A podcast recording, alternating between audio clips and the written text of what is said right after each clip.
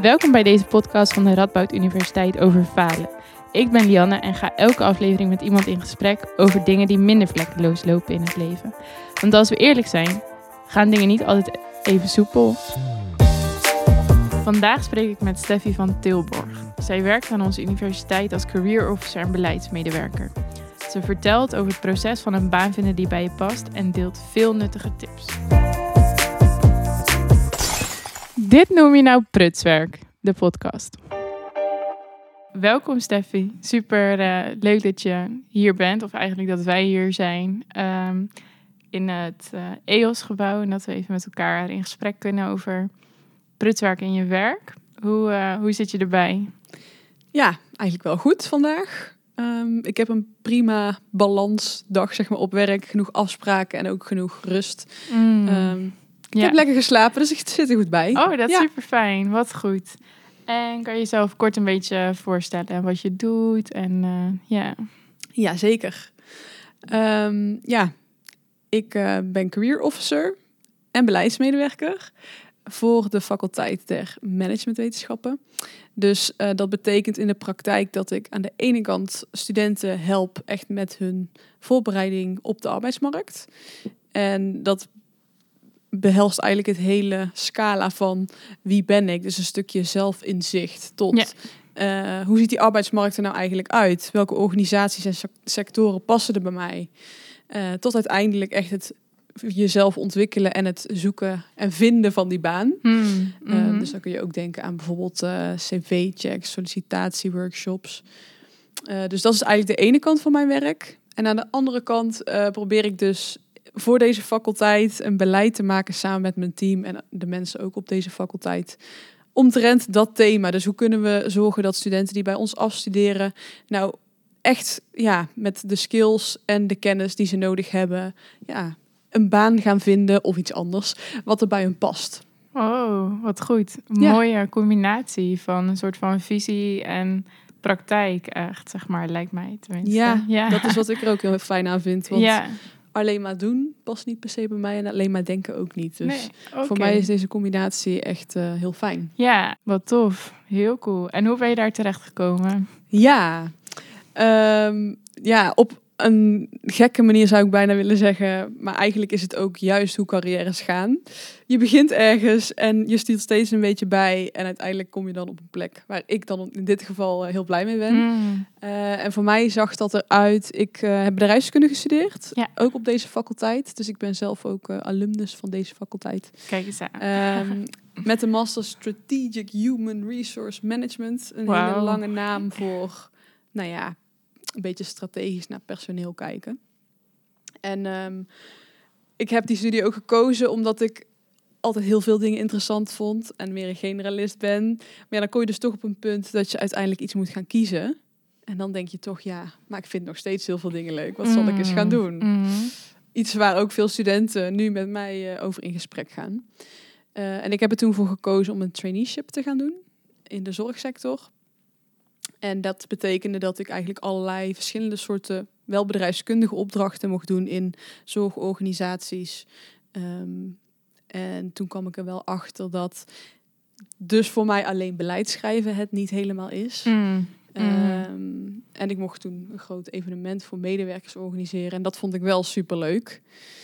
Nou ja, en dus eigenlijk door uh, dus al doende te leren in dat traineeship en daar ook weer op te reflecteren, kwam ik er dus eigenlijk achter van, nou, ik wil dus en denken en doen. En ik vind het belangrijk om in een team te werken. En ik vind het belangrijk om in een organisatie te werken die iets bijdraagt aan de maatschappij. Goh, die Radboud Universiteit, ja, dat, dat is dan toch zo gek nog niet. Ja. ja. Mm. Dus toen heb ik me ingeschreven voor de Job Alert, heel simpel. En toen kwam de functie van um, alumni officer voorbij had ik nog nooit van gehoord. Nee. ja, wat, wat uh, zou het inhouden? Ja, nou dat was, um, dat was ook maar voor een halve, uh, twee dagen, per, tweeënhalve dag per week of zo. Ja. Um, ik had er dus ook nog nooit van gehoord, maar in die tekst kwamen dus allemaal wel uh, netwerken. En zat dus juist ook evenementen organiseren. Ook juist het opzetten van het alumnibeleid voor toen nog de faculteit der sociale wetenschappen. Dus toen ik eigenlijk nou ja, toen dacht ik, ja, dit matcht toch wel heel erg op de een of andere manier. Ja. Maar ja, het is maar een halve dag per week. Mm. Ga ik het nou doen of ga ik het nou niet doen? Uh, toen heb ik ervoor gekozen om het toch te gaan doen. Ja. En om daarnaast dan uh, nog een, een, tijdje te ZZP'en. Dus om uh, vanuit mijn netwerk eigenlijk bij die organisaties waar ik vanuit mijn traineeship zat, um, daar kon ik dan nog wat blijven doen. Dus Mm. mocht ik weer dat evenementje erop organiseren. Dus zo ja, heb ik ervoor gezorgd dat ik nou ja, ook gewoon genoeg te doen had, genoeg eh, geld binnenkreeg. En, en dat ik ehm, er dus wel achter kwam dat dat toch best wel bij me paste ook. Die, die baan waarvan ik eerst dacht, huh, wat is dat nou weer? ja, ja, ja. Wel stoer. Want wat maakte die keus zeg maar lastig om dat te gaan doen? Gewoon het onbekende of... Nou, vooral, eh, eigenlijk zat het vooral, ik heb niet zoveel moeite met het dan gewoon maar in het diepe springen en kijken van, goh, ehm, past het bij mij? Maar toch wel dat het maar voor een aantal uur per week was. Ja. Dus dat geeft dan toch maar ja, een beperkte mate van zekerheid natuurlijk. Mhm. Eh, dus dat vond ik vooral wel spannend. Ja, ja. Ehm, maar goed, ik dacht, ja, ik ga het gewoon proberen en dan, eh, dan zie ik het wel. Mm, ja. En in combinatie met dus een aantal ZZP-klussen, ja, werkte dat voor mij best wel goed. Ja. Alleen, ehm, ja, ik merkte toch dat ik het fijner vind om voor één organisatie en dan verschillende projecten bijvoorbeeld te doen. Mm, Omdat je anders ook al heel veel aan het schakelen bent met en je omgeving, zeg maar, de organisatiecultuur en de mensen. En ja, zo'n klus stopt niet eh, als jij denkt, ja, maar nu heb ik eh, mijn uren gehad voor, voor, voor deze taak. ik Mm, ga nu voor die andere baan aan het werk. Dan zul je toch zien dat je tijdens die andere baan toch nog weer iets op moet lossen vanuit die opdracht. ja. Dus dat liep ook af en toe wel een beetje door elkaar heen. Ja. Dus ik vond het toch wel prettiger om dan voor één organisatie te gaan werken. Eh, ja, en dat is dus uiteindelijk de Radboud Universiteit geworden. Ja. En, want nu zitten we dus bij de fase van dat ik alumni officer was daar. Ehm dan kon ik toen meer uren krijgen weer voor verschillende projecten. Communicatieprojecten, interne communicatie, de verhuizing van, van Maria Montessori bijvoorbeeld. Oh ja, zo. En, ehm, en toen kwam er uiteindelijk een functie vrij van career en alumni officer hier op deze faculteit. En eh, stiekem vind ik namelijk de doelgroep studenten toch nog iets leuker en iets dichterbij. Eh, ja, en, en, ja, en, en het sprak me dus ook dat coachen en workshops geven wel heel erg aan. Ja. Dus zo ben ik hier terechtgekomen. Oh, kijk aan. Ja. Ja, en toen verliep de tijd en kwam er weer een kans. En toen heb ik dus gezegd, nou, ik zou ook wel willen meedenken over de wat langere termijn Ja. visie en strategie. En Ja. ja, nu zit ik hier. Kijk eens aan. En je zit goed op je plek. Of, eh, Ja. ja, ik ben op dit moment heel tevreden. Oké, nou Ja. dat is heel fijn. Want hoe lang doe je dit stukje nu? Even kijken, dus officieel met dat beleid erbij, dat is echt pas sinds januari. Oh, Ja. wow. Best wel recent. Ja. Ja. Oké. En zijn er al ehm, moeilijke momentjes geweest? Zeker, ja. Het is eh, de organisatie van de faculteit en de Radboud Universiteit is natuurlijk best wel complex. Ja. Dus ehm, ik kan niet in mijn eentje bedenken natuurlijk wat belangrijk is voor onze studenten. Hmm. Tenminste, daar kan ik wel. Alleen er zijn nog veel meer spelers binnen de universiteit die ook meewerken aan die voorbereiding van de student op de arbeidsmarkt. Ja. Dus dan kun je denken aan opleidingen, aan studieverenigingen, studieadviseurs. Ehm, nou ja, noem het maar op eigenlijk. Hmm. Ja, en ehm, ja, je moet dus heel goed met die stakeholders, met die mensen afstemmen van, goh, wat doen jullie? Wat doe ik? En wat is dan het gat wat we nog moeten oplossen? Ja, ja, ja, precies. Om uiteindelijk die student eh, verder te helpen. Ja, dat is wel... Het is ook een soort groot gevaarte wat in beweging gebracht moet worden of zo. E- enorm. Ja. ja. Ja, maar je vindt je daar wel een weg in? Of voelt dat... eh, Ja, het is wel, eh, soms is dat wel lastig.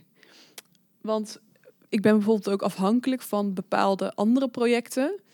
Eh, en als die niet vooruit gaan, dan kan ik ook lastig vooruit. hm, Ehm, maar ja, dat is dan wel waar ik het mee te doen heb.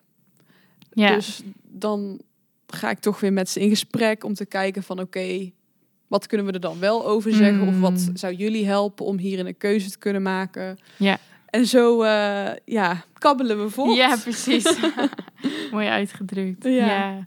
Nou ja, dat ga je natuurlijk altijd hebben. Want ook al heb je een toffe baan, zeg maar, dan gaan er altijd nog weer dingen zijn eh, die tegenzitten. Ja, ik bedoel, de perfecte baan bestaat denk ik in dat opzicht ook niet. Nee. Echt. Oh, kijk, dan hebben we die gelijk uit de lucht gehaald. Ja. Heel goed. Maar, want we zitten hier natuurlijk ook voor de afsluiting van het seizoen. Uh, dat ging heel erg in op uh, prutswerk in je werk of ehm, in je baan. En er zijn gewoon heel veel verschillende dingen langsgekomen. Zeg maar ook dat je falen meemaakt in je werk.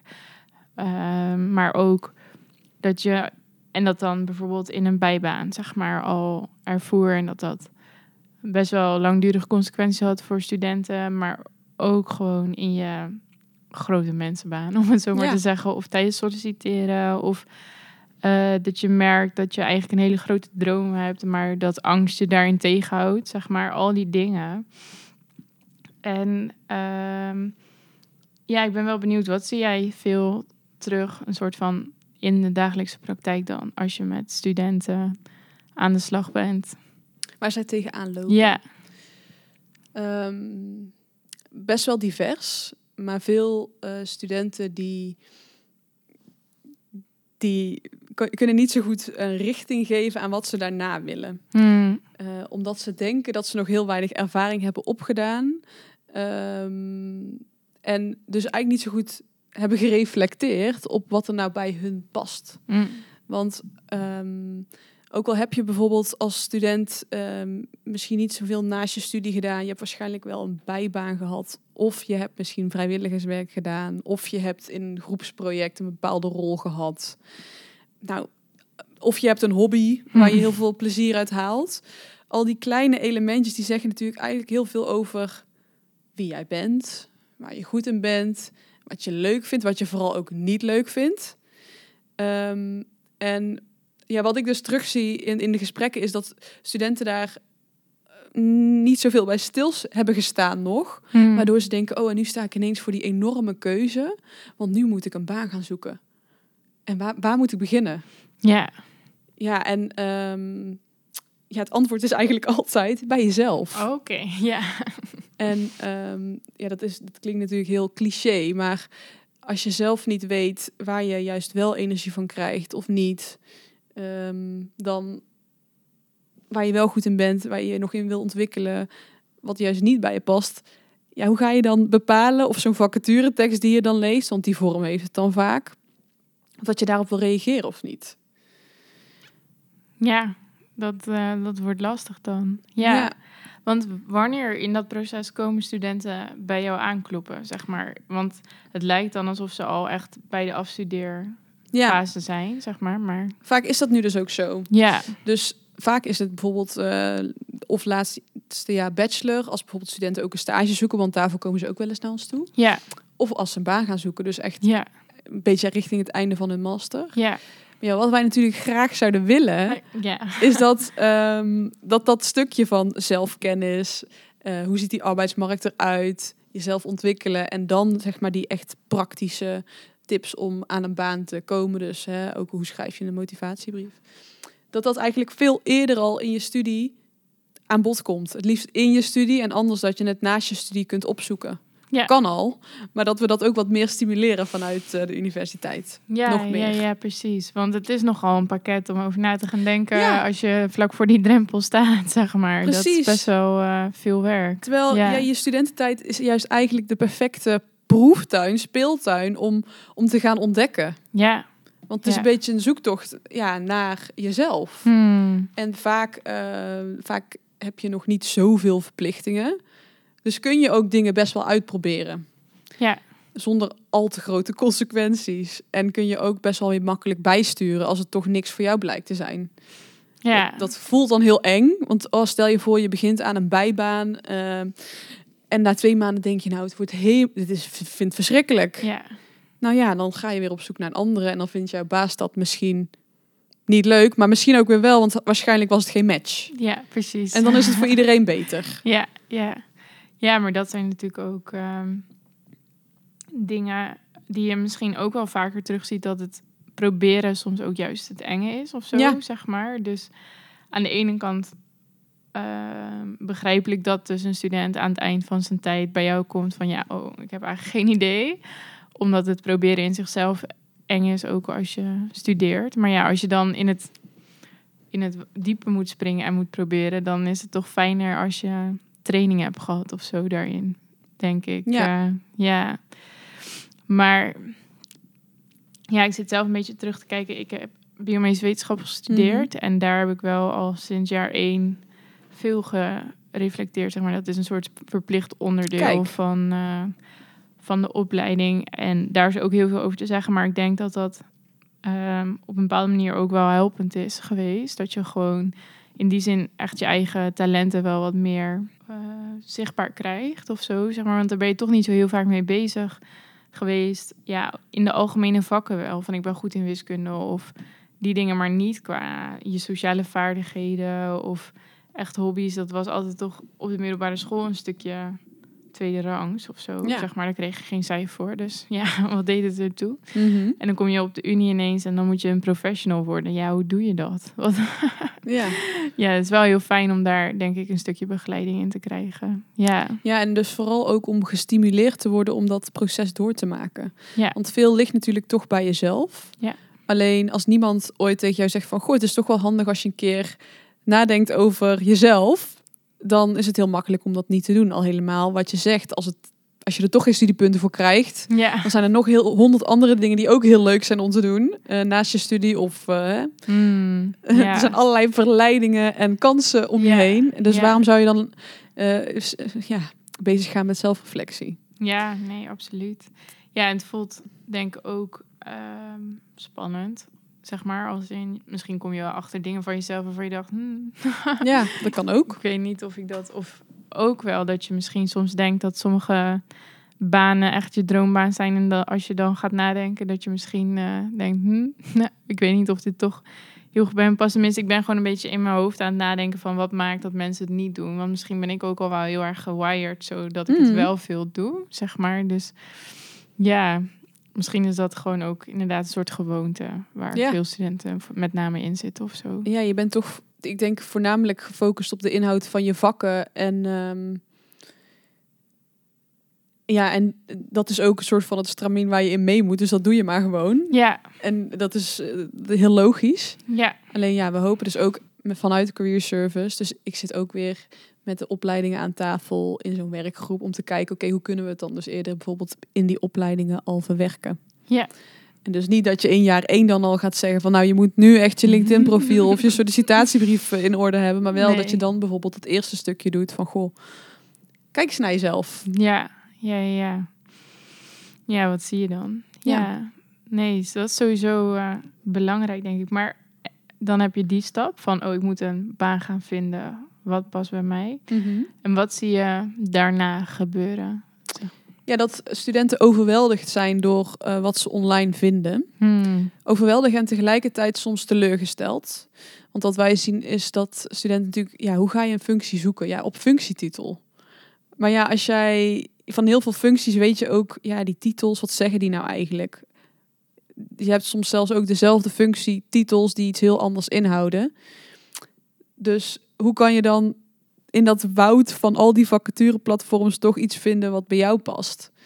Dus ehm, ja, we zien studenten die echt een beetje door de bomen het bossen niet meer zien. Hmm. En terwijl ook dan kun je gewoon de beste weer beginnen bij jezelf. En je kunt ook op andere manieren zoeken. Bijvoorbeeld niet op functietitels, maar meer op ja, kernwoorden die eh, bij jou passen. En kijk wat er dan uitkomt. Ja. Nou, en dan kom je dus misschien op zo'n vacature als alumni officer. Waar je nog nooit van hebt gehoord. En die wel heel goed bij je zou kunnen passen. ja, exact. Die naam had jij natuurlijk niet zelf ingetypt Nee. daar. Nee, zeker niet. Nee. Nee.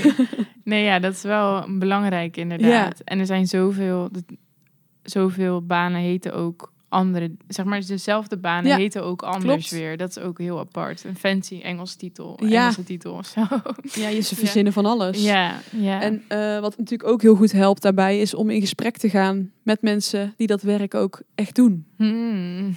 Want ik had bijvoorbeeld vandaag ook weer een student op gesprek die zei ja, maar ja, ik weet gewoon niet. eh, die zat dan met een masterkeuze, welke master ik moet gaan doen en moet ik nou dit doen of dit doen. En eh, ik weet eigenlijk ook niet waar, wat ik, waar ik daarna terecht wil komen, want ja, dit lijkt me wel leuk, dit lijkt me wel leuk, maar vind ik het nou eigenlijk wel echt leuk? Ja, heel herkenbaar natuurlijk. Want Mm. ja, hoe weet je dat als je nu nog, als je dat nog niet hebt meegemaakt? Nee, Dus Dus ja, wat dan gewoon echt heel erg helpt, is gewoon gaan, men gaan praten met mensen uit die, die die baan doen die jij misschien wel interessant vindt. Ja. Want heel veel mensen vinden het eigenlijk heel leuk om één over zichzelf te praten.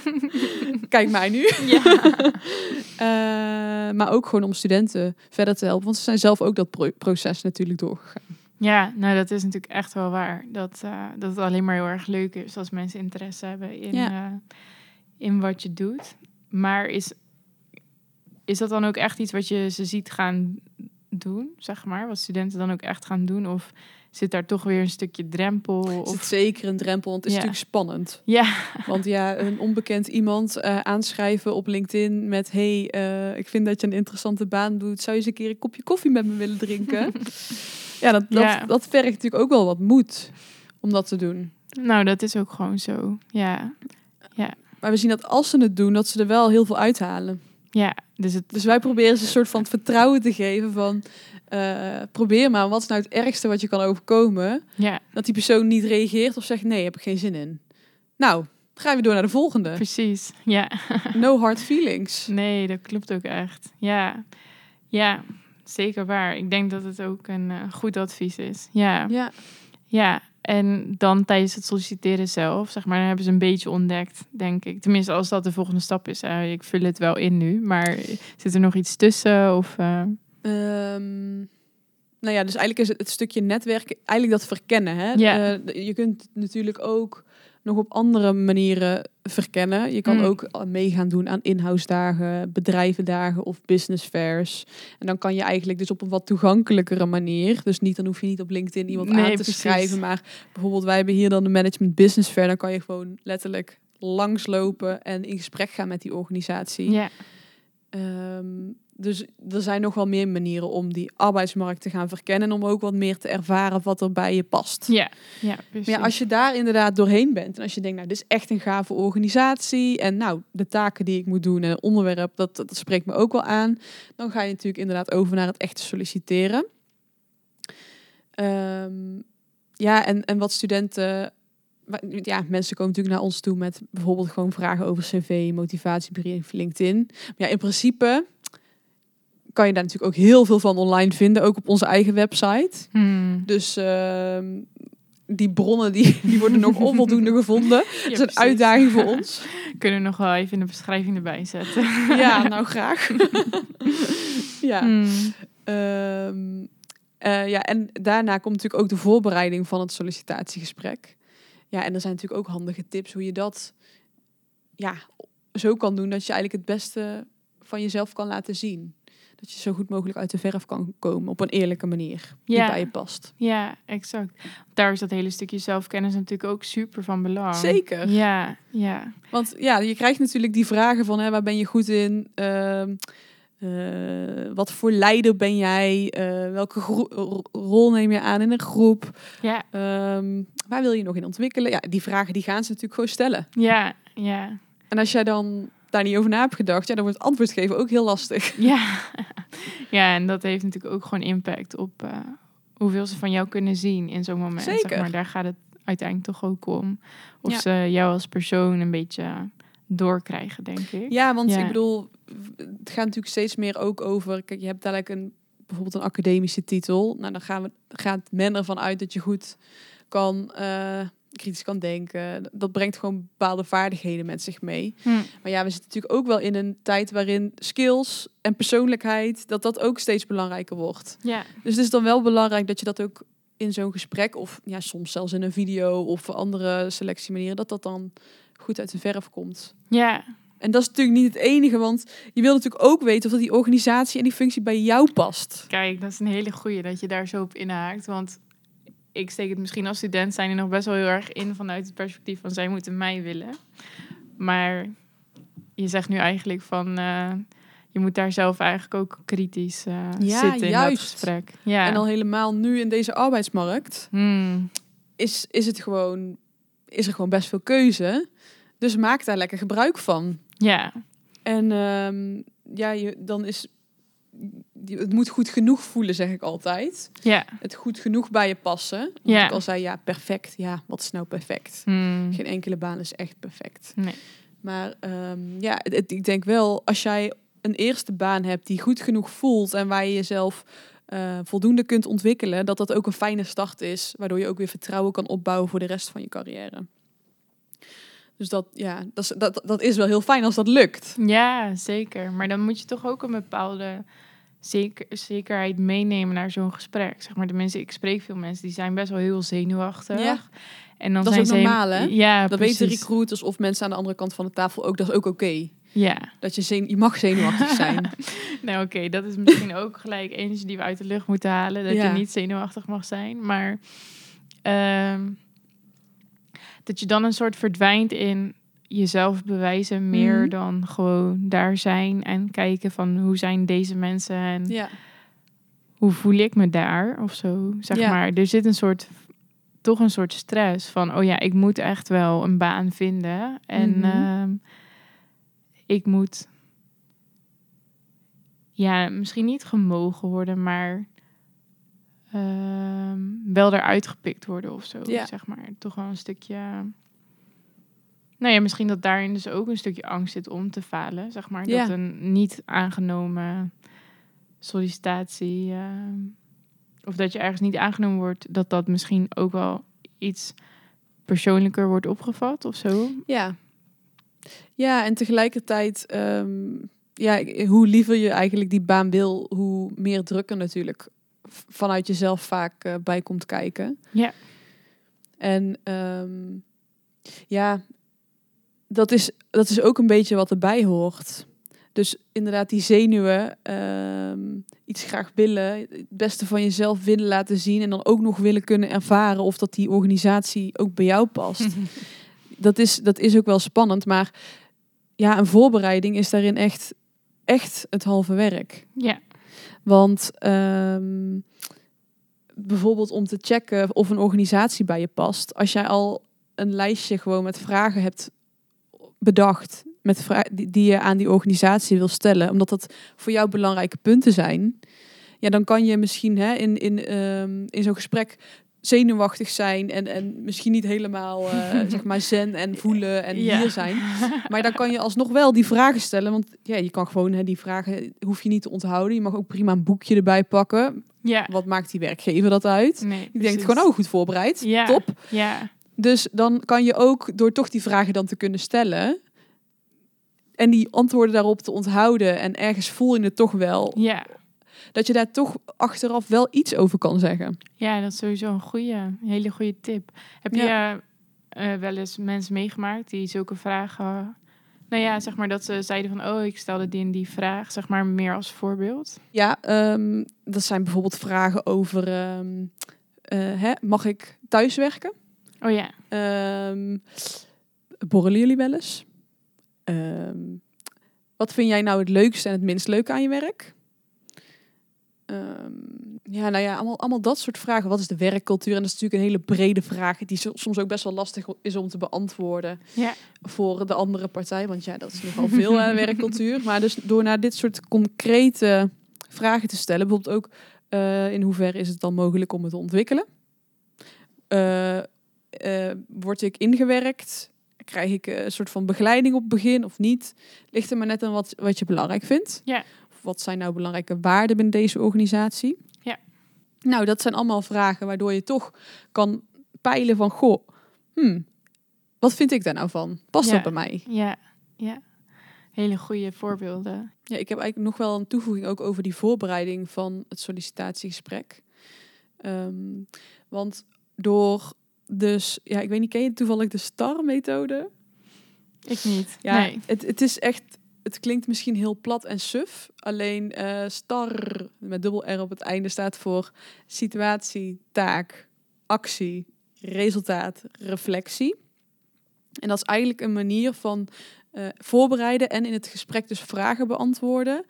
Uh, waardoor je eigenlijk op een simpele vraag een antwoord kunt geven waarin je heel veel van jezelf kunt laten zien. Oké. Dus als, even denken, een voorbeeld. Um, nou, wat voor rol neem jij aan in een groepsproject? Ik noem maar even iets. Ja. Ehm, nou, dan ga je dus naar de situatie van dat groepsproject. Nou, ehm, voor uh, project X ehm, had ik de rol van uh, voorzitter op me genomen. Dus dat betekende taak komt dan nu. Hè? Dat mijn taken waren de planning in, in de gaten houden, de taken verdelen, zorgen dat alles uiteindelijk op, netjes ingeleverd werd. en ook nog een deel van de inhoud. Nou, uh, actie, dat heb ik inderdaad gedaan. um, en uh, ik heb inderdaad mijn uh, teamgenoten af en toe ook moeten bijsturen als ze iets niet op tijd inleverden. Um, of ze moeten wijzen op de planning. Met als resultaat dat het uiteindelijk op netjes op tijd was ingeleverd. Ik heb het ook nog een keer nagelezen op de inhoud. Um, en uiteindelijk hebben we daar een acht voor gekregen. Nou, ik noem dus door een hele simpele vraag met zo'n voorbeeld eigenlijk helemaal uit te leggen kan je daar dus verschillende elementen van je persoonlijkheid en van je vaardigheden eigenlijk in kwijt. Waardoor zo'n ja, zo'n werkgever aan de andere kant van de tafel dus ook veel meer van jou krijgt te zien. Hm. En um, ook weer op bepaalde elementen daarvan kan doorvragen. Dus je kunt op die manier zelf soms het gesprek eigenlijk ook sturen. Ja, mooi. Ja. En als je dus allemaal van dat soort voorbeelden eigenlijk een soort van voorbereid en in je rugzak al hebt in dat gesprek, dan kan je bij verschillende vragen gewoon denk je, oh, welk voorbeeld past daarbij en welke positieve eigenschappen van mij komen daarin terug? Ja, ja en dan ja. haal je die uit je rugzak en uh, laat je een heel mooi deel van jezelf zien. Ja. Dus het is een super simpele methode die wel wat voorbereiding vergt, maar die echt, wij oefenen hem ook in workshops, antwoorden worden er zoveel beter van. Oh, mooi. Ja. Heel goeie. Ja. Ik hoop dat uh, luisteraars daar lekker mee aan de slag kunnen. Ja, dat hoop ik ook. Ja, heel goed. Ik zou het aanraden als je, als je gaat solliciteren, ja. Ja, precies. Want hoe vaak kom je nou echt studenten uh, te zien die echt heel vaak worden afgewezen?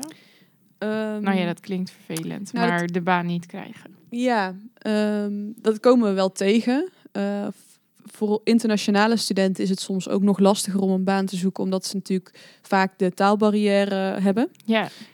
Dus ja, die komen we tegen. En, maar vaak um, zeggen mensen, oh, ik ben al heel vaak afgewezen. Maar voor de een is dat misschien drie keer, maar voor de ander is dat misschien wel twintig keer. Zo, ja. En of tien keer, nou ja. En maar dan vraag ik ook, ja, waar solliciteer je dan op? Ja, maakt me allemaal niet meer uit. Ik solliciteer op alles. Um, en dan gaan we dus ook weer gewoon terug naar het begin. Dus echt eerst ook naar die basis van, zeg maar, beginnen dan ook gewoon even net heel praktisch kijken naar cv, LinkedIn, motivatiebrief. Want als je daar al op afvalt, ja, dat is gewoon heel zonde. Want het zijn gewoon eigenlijk randvoorwaarden die je gewoon wel goed kan regelen. Ja, ja, exact. En als het dan niet lukt, um, dan kan je ook kijken, oké, kom je dan niet goed uit de verf in een gesprek? Um, dan kunnen we bijvoorbeeld gaan oefenen met die voorbereiding of met die STAR-methode. Um, en er zijn natuurlijk ook, ja, heel veel banen worden ook via via gevonden. Dus wat ik jou net zei, jij gaat met mensen praten. Hmm. Dat, is, dat, ja, dat is dan toch weer een tip van, oké, okay, je hebt vast mensen in je omgeving die wel iets doen in de richting van wat jij wil. Ja. En soms, kijk, als je graag een bepaalde functie wilt in een bepaalde organisatie. Dus laten we zeggen, nou, beleidsmedewerker bij een, uh, een hele groot bij uh, nou ja, Greenpeace. Hmm. Nou, is natuurlijk een hele uh, populaire organisatie. Um, en het zou dus kunnen dat het niet lukt dat je niet aangenomen wordt op die functie, omdat er gewoon heel veel concurrentie is. Ja. Nou ja, en als je dat dan toch heel graag wilt, dus als je wel een heel duidelijk beeld hebt van jezelf waar je terecht wil komen, dan kan je eigenlijk twee sporen gaan bewandelen. Dus of je gaat een wat minder hoogstaande functie proberen te krijgen binnen Greenpeace. En je probeert je daar eigenlijk via binnenuit naartoe te werken. Ja. Waar sommige mensen er dan ondertussen wel eens achter komen van... oh, maar waar ik nu zit vind ik eigenlijk veel leuker... en dat ze dan toch nog een andere route kiezen. Kijk. Want zo gaan carrières ook heel vaak. Ja. Uh, of je gaat juist wat meer proberen die ervaring die nodig is om die functie uiteindelijk te krijgen als beleidsmedewerker, om die juist in een andere organisatie op te doen. Hm. Uh, en dat je uiteindelijk dan dus wel in aanmerking komt in die concurrentiestrijd bij, dat, bij die toffe Greenpeace waar je uiteindelijk terecht wil komen. Ja, ja precies. Ja, dus er zijn eigenlijk heel veel verschillende wegen ja. die uh, dingen mogelijk maken. Ja. En vooral niet binnen de gebaande paden blijven dan een soort Ja, en, en tegelijkertijd zijn het dus bijna de gebaande paden. Omdat heel veel carrières dus op deze manier gaan. Ja, dat is misschien ook wel een soort illusie die veel mensen en ik ook nog hebben. Dat je een soort recht pad afwandelt of zo, zeg maar. Dat je een baan vindt die nu bij past en dat je daarin kan groeien. En dat je dan in hetzelfde straatje blijft eigenlijk. Maar dat is dus eigenlijk niet zo. Het kan, maar het gebeurt heel vaak ook dat je dan toch weer even een afslagje neemt. Ja. Ja. Ja, precies. Maar is dat dan ook iets wat, wat dan een soort van uit een oud denken komt, maybe? Zeg maar dat je, het is pas sinds recent eigenlijk dat mensen super vaak een soort van relatief wisselen van baan, denk ik. Of... Ja, het was eerst misschien minder ehm, normaal. Hmm. Maar ik denk dat ook toen al, uh, ja, dan groeiden mensen bijvoorbeeld wel binnen een organisatie op een bepaalde manier door. Dus het was denk ik wel in, in zeker ook toen al wel aanwezig, alleen minder zichtbaar. Ja. En nu is het hoppen ook tussen organisaties nog veel normaler geworden. Ja. Eigenlijk de normaalste zaak van de wereld. Hmm. Ehm, maar ja, dat, dat dus, oké, je begint ergens en je gaat ervaren en je gaat bijsturen. Dat is er denk ik altijd al wel geweest. Ja, ja, precies. Ja, want dat is natuurlijk ook gewoon iets wat de drukker dan een beetje afhaalt of zo. Van je hoeft niet gelijk nee, joh. de goede keuze te maken. Zeg joh, maar. En dan zit je daar dadelijk 20 jaar. Nee, dat is leuk. Nee. nee, maar dat is waarschijnlijk het dramabeeld wat iemand in zijn hoofd heeft. Van ja, ik moet nu de goede keuze maken, want ik zit daar nog. Voor altijd. Ja, ja. precies. Tot ik oud en grijs en uh, eh, 88 ben. Nee, maar... Dus dat is dus gewoon niet waar. Nee, er is heel veel van die patronen die je in je hoofd hebben, die als dan. Ja ja, die zijn gewoon niet echt helemaal waar. Nee, precies. En die belemmeren je soms om te doen wat je op dat moment graag wilt. Ja, absoluut. Terwijl als je steeds doet wat je op dat moment graag wilt, waarvan je denkt, oké, ja, nu wil ik dit wel eens gaan onderzoeken of nu wil ik dit wel eens gaan uitproberen, dan blijf je de hele tijd bij jezelf. Dus ja, en als het misgaat, dan stuur je ook weer bij. Ja, nou, dat is ook zo. En uiteindelijk kan je het best, denk ik, dat is toch wel iets wat je wat ook in de podcast vaak terugkomt, van je moet eigenlijk gewoon eerlijk zijn. Over jezelf, richting jezelf, maar ook richting anderen. Om uh, erger een soort van te voorkomen dat dingen niet exploderen in je eigen hoofd. Of dat het tussen jou en iemand anders in gaat staan omdat je het heel lastig vindt of zo om het erover te hebben.